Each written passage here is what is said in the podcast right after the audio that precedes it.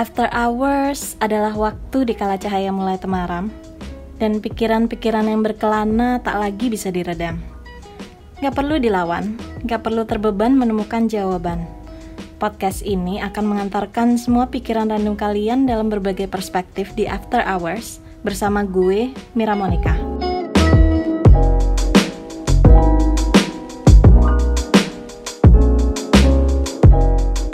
Listen to your doubt with kindness and find your wisdom with an open mind.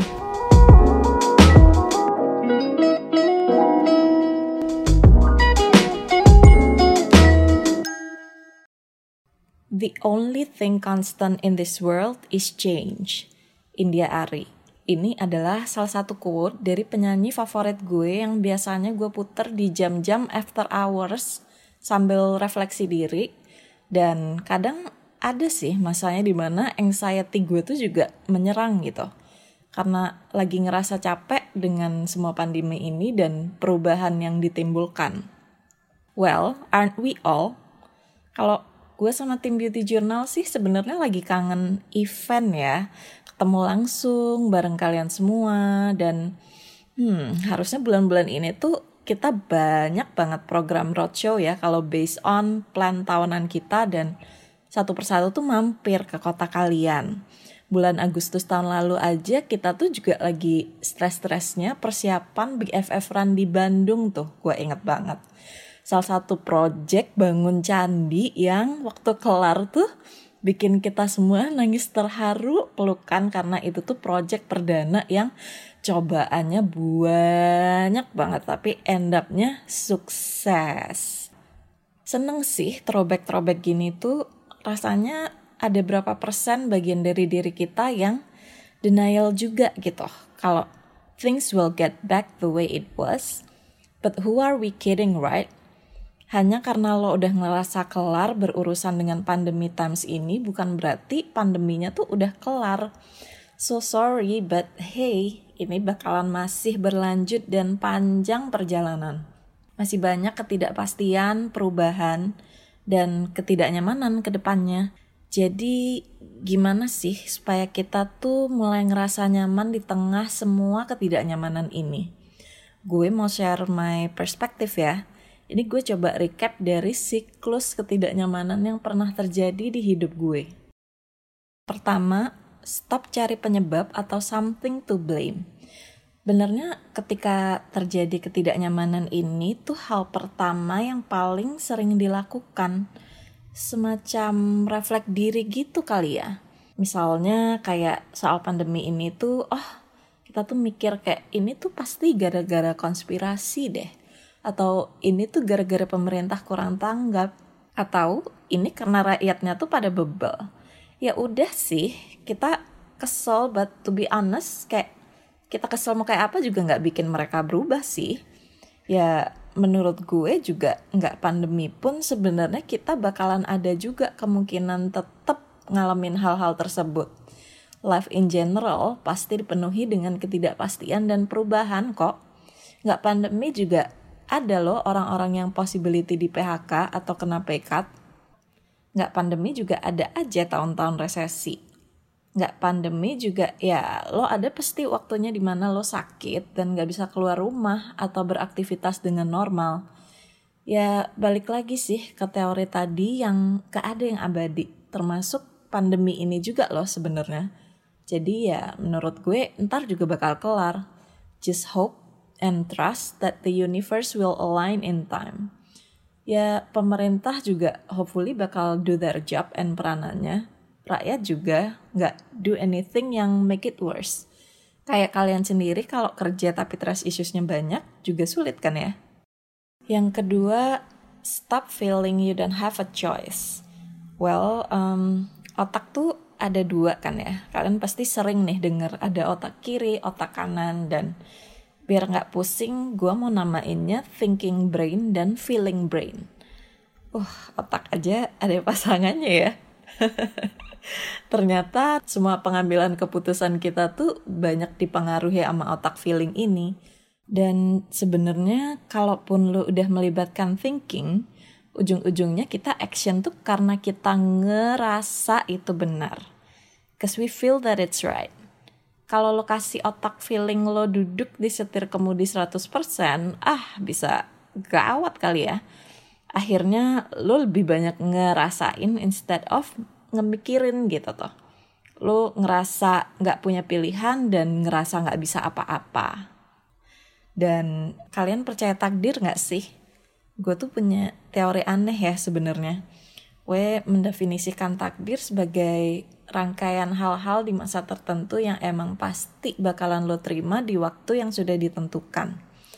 Misalnya lo lulus terbaik, atau lo dapat kerjaan, dipromosiin, atau bahkan mungkin lo di PHK, atau lo merit, kapan lo punya anak, ya lo mau ngapain juga kalau nggak takdir atau belum waktunya ya tetap nggak kejadian sih. Makanya gue merasa kayak kalau gue pernah denger ada orang yang mati-matian belajar tapi nggak lulus terbaik atau ada yang mungkin kelihatannya partai-partai mulu atau banyak main tapi ya lulus terbaik.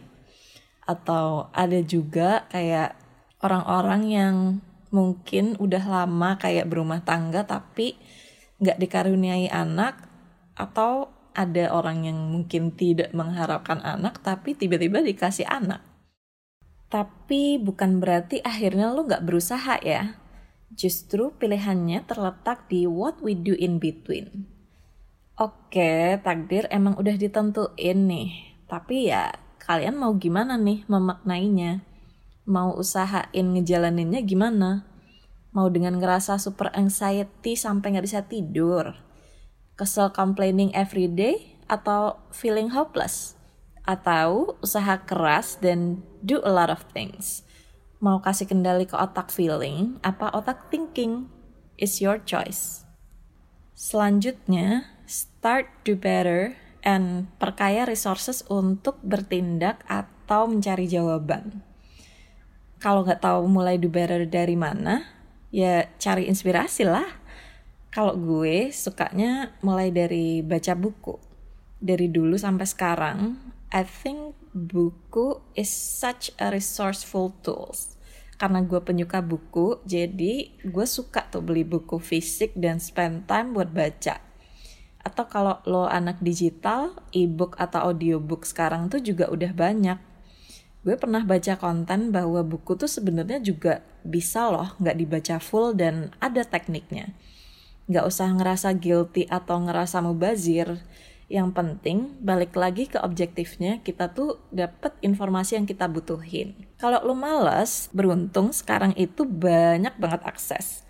Ada summary book review di YouTube atau coba deh cari IG penulisnya. Biasanya mereka juga bikin konten dan tips juga atau semacam snippet-snippet gitu tentang konten-konten di bukunya gue personally uh, cemas juga loh dengan situasi sekarang, but gue udah memilih untuk membatasi kecemasan gue dan fokus membuat otak gue occupied dengan hal-hal lain.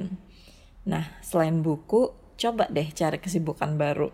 Ikut online course atau belajar skill baru, seminar online, atau bahkan kalian bisa juga buka bisnis baru yang kecil-kecilan kayak teman-teman gue tuh sekarang banyak banget yang ternyata bisa masak and udah mulai buka PO-PO gitu. Nah, yang terakhir start building your routine. Kalian pasti pernah dengar kan ada pepatah Jawa yang bunyinya Witing Tresno Jalaran Soko Kulino. Biasanya sih nyaman itu karena terbiasa. Jadi ya udah treat aja situasi pandemi ini kayak lu punya mantan atau pacar yang mungkin yang lagi kumat dan nyebelin banget gitu. Build aja kebiasaan baru lo dan usahain konsisten di waktu-waktu yang berikutnya. Nyaman itu most likely bisa terbentuk dari familiarity kita terhadap hal-hal. Salah satunya rutinitas baru. Well, kalau baca berita bikin stres, ya tapi juga kalau nggak tahu makin nggak tenang. Ya udah, biar nyaman, coba deh ambil jalan tengahnya. Batasin aja waktunya kalau lo misalnya mau baca dan kalau lo misalnya gampang stres, pilih dua kali dalam seminggu, misal Rabu sama Sabtu buat browsing berita. Dan jangan lupa batasin waktunya juga. Misalnya cuma setengah jam. FaceTimean sama keluarga atau teman-teman, olahraga, atau mungkin ikut free online course dan lain-lain. Jadiin semuanya itu jadwal yang tetap, jadi lo makin familiar hari demi hari. Gue mau ambil quote dari pengarang buku favorit gue, Mark Manson, dan diambil dari buku yang judulnya Everything is Fucked. Gak usah looking for hope, do not hope, do not despair juga. Just be something better. Earn your comfort in these uncomfortable times. Sekian After Hours dan see you in the next episode.